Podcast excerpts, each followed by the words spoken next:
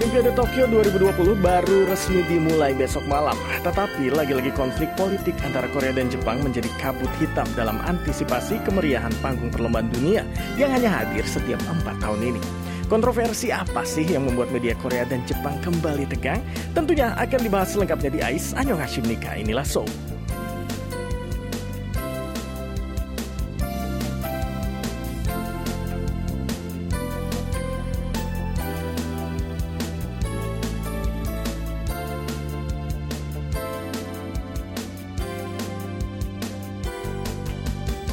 Annyeonghaseyo teman-teman pendengar KBS World Radio. Selamat bergabung dalam program AIS bersama saya Alvin Kobulsyah Yang akan membawakan kabar-kabar terbaru seputar Korea Selatan. Dan sebelum membahas tentang kontroversi Olimpiade yang cukup berat Saya mau bahas topik yang lebih ringan dulu nih pendengar Yaitu tentang panasnya suhu di Korea saat ini. Kemarin DJ Anita juga sudah mengungkit ya tentang temperatur musim panas Korea yang dari tahun ke tahun memang semakin panas rasanya. Musim hujan berakhir dengan begitu cepat dan minggu ini Korea Selatan dihantam oleh gelombang panas alias heat wave yang mencapai suhu 38 derajat Celcius. Bahkan di Indonesia kita jarang sekali ya dapat suhu sampai 38. Dan menurut Badan Meteorologi Korea, gelombang panas ini mirip seperti gelombang panas di tahun 2018 lalu yang memecahkan suhu terpanas Korea sepanjang tahun. Tapi untungnya gelombang panas kali ini tidak akan bertahan selama di tahun 2018 pendengar. Jadi syukur deh ya teman-teman kalau gitu ya. Di tahun 2018 itu temperatur Korea bahkan mencapai 40 derajat Celcius. Jadi mudah-mudahan mohon doanya juga dari teman-teman kalau tahun ini tidak akan sepanas itu. Dan nggak kebayang ya, hidup tanpa pendingin ruangan alias AC kalau suhu sepanas ini. Dan katanya nih, warga Korea kemungkinan akan mencapai rekor tertinggi penggunaan listrik sepanjang musim panas di tahun ini. Tanggal 21 kemarin misalnya, 21 Juli ya, penggunaan listrik Korea mencapai 91,4 gigawatts. Sementara rekor tertinggi sebelumnya ini adalah di 92,5 gigawatts di akhir bulan Juli tahun 2018. Dan penggunaan listrik paling besar itu adalah sekitar jam 4 hingga jam 5 sore sore. Permintaan listrik yang cukup tinggi membuat warga juga khawatir apakah suplai listrik di Korea ini akan cukup. Untuk menstabilkan suplai listrik ini nih, pemerintah Korea hingga tanggal 13 Agustus nanti, maka pemerintah rencananya tidak akan menggunakan AC di gedung-gedung pemerintahan. Dan untuk suplai listrik dianggap normal, suplai listrik cadangan itu harus melebihi 5,5 gigawatts dan lebih dari 10 gigawatts agar listrik dapat stabil di masa-masa genting, seperti saat suhu musim panas yang melebihi suhu normal seperti sekarang ini. Dan diperkirakan minggu ini persediaan listrik cadangan Korea berada di antara angka 4 hingga 7,9 gigawatts. Tapi mendengar, karena musim hujan sudah berakhir nih, bukan berarti hujan tidak akan turun lagi di musim panas kali ini. Karena perubahan iklim nih yang semakin drastis beberapa tahun, dan ini akan sepertinya masih ada kemungkinan hujan deras bisa datang kapan saja. Dan katanya sih, musim ini kita bakalan bisa melihat pelangi. Seperti beberapa hari lalu, kita akhirnya bisa melihat pelangi di langit Seoul.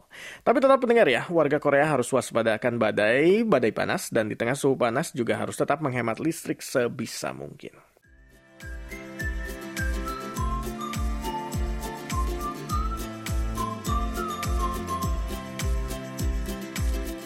Ya pendengar balik lagi di Ais Anya Masih Menikah inilah Soul di KBS World Radio Indonesia bareng saya Alvin ya. Dan pendengar kalau ngomongin musim panas Pasti kita bawaannya ingin jalan-jalan ke tempat yang sejuk ya dan kemarin nih, AIS sudah kasih alternatif tempat sejuk selain rumah ber-AC, di antaranya itu museum seni dan bioskop. Nah, hari ini saya mau kasih pilihan lain nih yang sedikit berbeda, yaitu tempat-tempat luar ruangan, tua luar ruangan alias outdoor yang sejuk dikunjungi saat musim panas. Iya dong ya pendengar ya, kan mengikuti tema kita barusan ya, kita harus menghemat listrik, jadi jalan-jalannya pun ke tempat-tempat yang nggak membutuhkan AC tapi tetap sejuk. Dan kalau teman-teman tinggal di Korea, saya mau kasih tahu nih cuplikan tempat-tempatnya. Di mana? Tentu saja di Pulau Jeju, pendengar. Pulau yang satu ini memang memiliki begitu banyak pesona.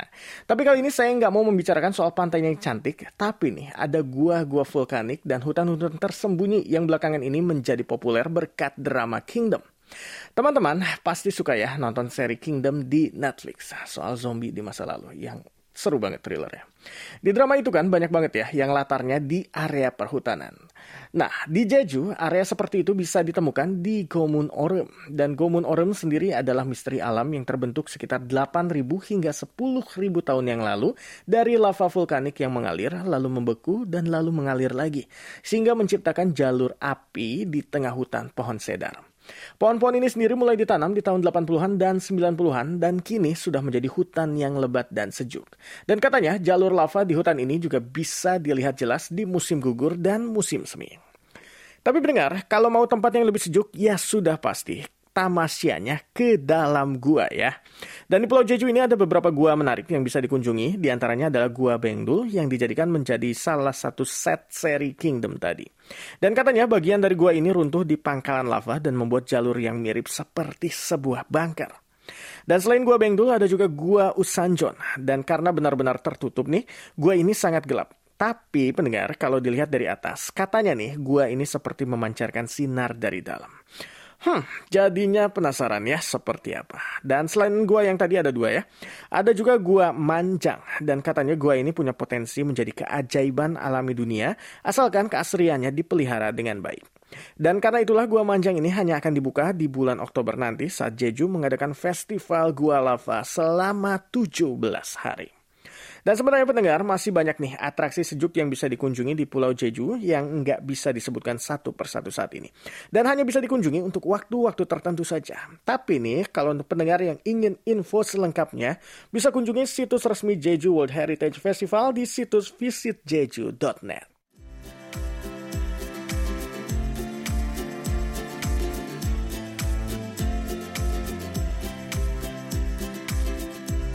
Ya teman-teman, setelah mengalami penundaan selama satu tahun, panggung perlombaan olahraga dunia Olimpiade Tokyo 2020 akhirnya nih akan resmi dibuka besok pukul 8 malam waktu setempat alias waktu Tokyo. Dan sebagai negara yang berhasil lolos kualifikasi di berbagai cabang olahraga, tentunya Korea Selatan merasa sangat bangga ya. Biasanya, gimana sih cara kita mengungkapkan rasa bangga dan patriotisme saat tampil di ajang internasional yang bergengsi seperti Olimpiade? Ya, tentunya dengan mengibarkan atau menunjukkan bendera nasional ya salah satunya. Dan inilah yang dilakukan oleh tim nasional Korsel, kontingen Korea Selatan di Asrama Olympic Village, tempat para atlet seluruh dunia menetap selama perlombaan Olimpiade berlangsung. Dan para atlet ini beserta ofisial tentu saja menggantungkan bendera Korea di balkon kamar serta spanduk harimau berbentuk peta Korea dengan tulisan Bom Neryonda yang berarti harimau akan turun. Bom Nerio Onda. Hmm, kayaknya kita pernah dengar di mana gitu ya. Jadi pendengar, Bom Nerio Onda ini adalah judul lagu rakyat Korea klasik yang belakangan ini dipopulerkan kembali oleh band Inalci.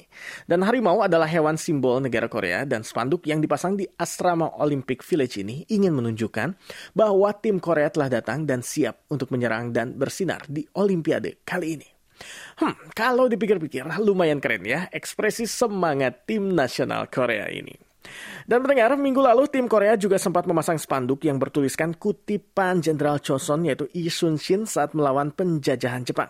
Saya masih memiliki dukungan 50 juta warga. Itu tulisan spanduknya ya. Namun spanduk ini sudah dicopot oleh tim Korea atas permintaan dari Komite Olimpiade Internasional atau IOC karena dianggap sebagai pernyataan politik.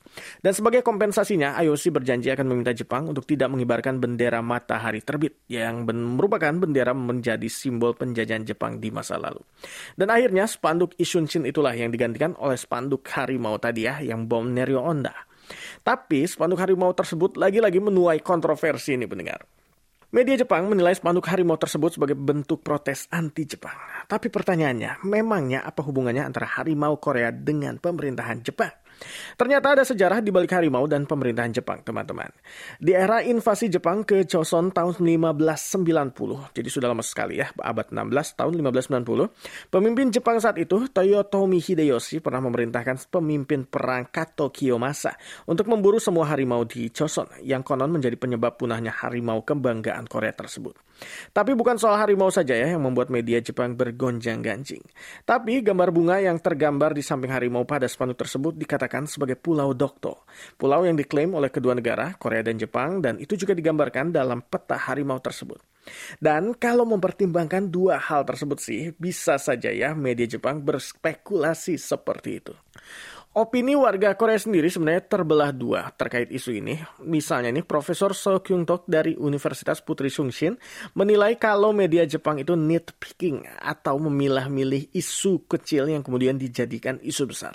Sementara pengarang komik Yu In So justru berpikiran berbeda. Katanya lebih baik tidak usah menggantung spanduk sama sekali, karena hanya akan membuat keruh perayaan Olimpiade yang seharusnya menjadi event bergembira yang bisa mempersatukan negara-negara di dunia. Hmm, kira-kira kubu mana ya yang benar? Apa iya spanduk harimau ini adalah cara tim Korea protes secara diam-diam? Atau hanya sekedar bangga dan patriotik negaranya terwakili di ajang Olimpiade? Dan kayaknya nih hanya tim nasional Korea Selatan saja ya yang tahu jawabannya.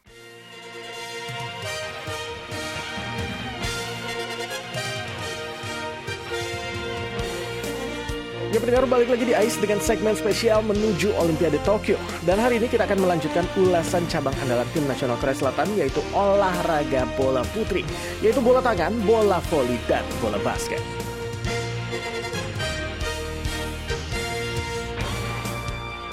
Ya pendengar, tim olahraga bola putri di Korea Selatan berhasil menembus berbagai kualifikasi Olimpiade di cabang-cabang olahraga yang beberapa di antaranya bahkan tidak berhasil ditembus oleh tim putra. Misalnya, tim bola tangan putri Korea Selatan memberikan inspirasi untuk film Forever the Movement. Sementara kemenangan medali perak tim bola basket putri di tahun 1984 akan selamanya menjadi momen yang tidak terlupakan dalam sejarah Olimpiade tim Korea Selatan. Tim bola basket putri dipimpin oleh bintang atlet dunia Kim Yeon Kyung ini mengincar medali emas. Dan di antara berbagai tim cabang olahraga Korea Selatan, tim bola tangan putri Korea Selatan pernah memiliki predikat sebagai putri yang berbakti. Baik di Olimpiade Seoul 1988 dan Barcelona 1992, tim bola tangan Korea berhasil meraih medali emas. Sementara di Olimpiade Atlanta 1996, Sydney 2000, dan Athena 2004, mereka berhasil meraih medali perak. Namun setelah tahun 2004, prestasi yang menurun perlahan membuat minat penggemar tim bola tangan tangan putri surut. Tim bola tangan putri bahkan pernah tidak lolos babak pertama Olimpiade Rio 2016. Namun, di bulan September 2019 yang lalu, di babak pertandingan kualifikasi Olimpiade Asia, tim bola tangan putri berhasil memenangkan lima pertandingan dan menjadikan mereka tim juara di Asia dan kembali mendapatkan tiket menuju pertandingan Olimpiade Tokyo 2020. Kelolosan tim bola tangan putri menjadikan tim nasional bola tangan Korea Selatan baik putra dan putri sebagai tim yang berhasil tampil dalam 10 olimpiade berturut-turut dan konsistensi ini dipandang positif. Di Olimpiade kali ini, tim nasional Korea Selatan, Belanda, Norwegia, Jepang, Angola, dan Montenegro masuk ke dalam grup A. Kemungkinan besar tim Korea Selatan dapat mengalahkan tim Angola dan Jepang meraih peringkat keempat dalam regu A dan masuk ke babak perempat final. Di saat itulah mereka akan berhadapan dengan peringkat satu dari regu B dan memiliki kesempatan untuk meraih medali. Karena itu, tim nasional Korea Selatan berharap dapat menaklukkan setidaknya satu lagi tim dari regu A, yaitu tim Belanda atau tim Norwegia.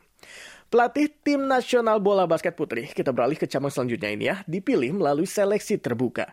Dan melalui proses ini, pelatih legendaris John Juwon dan Lee Sun terpilih sebagai dua pelatih tim nasional basket putri Korea.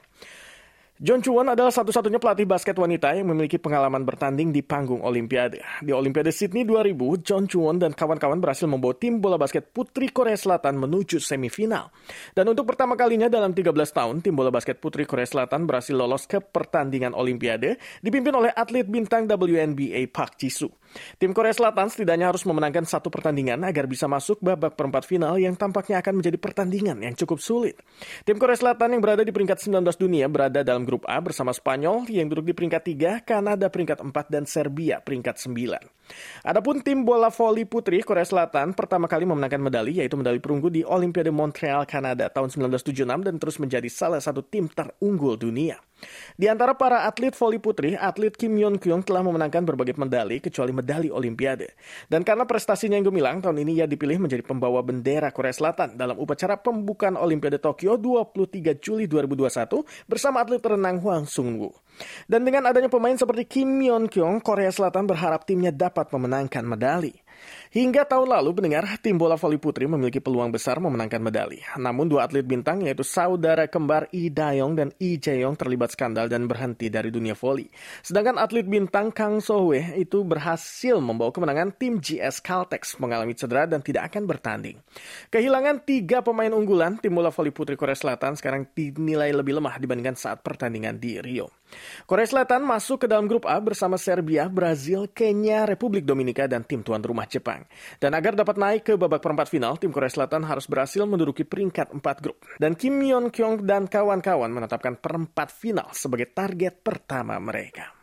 Pertandingan final dan juara tiga akan diselenggarakan di hari terakhir Olimpiade Tokyo 2020 yaitu di tanggal 8 Agustus 2021. Dan tentunya pasti bakalan seru banget nih.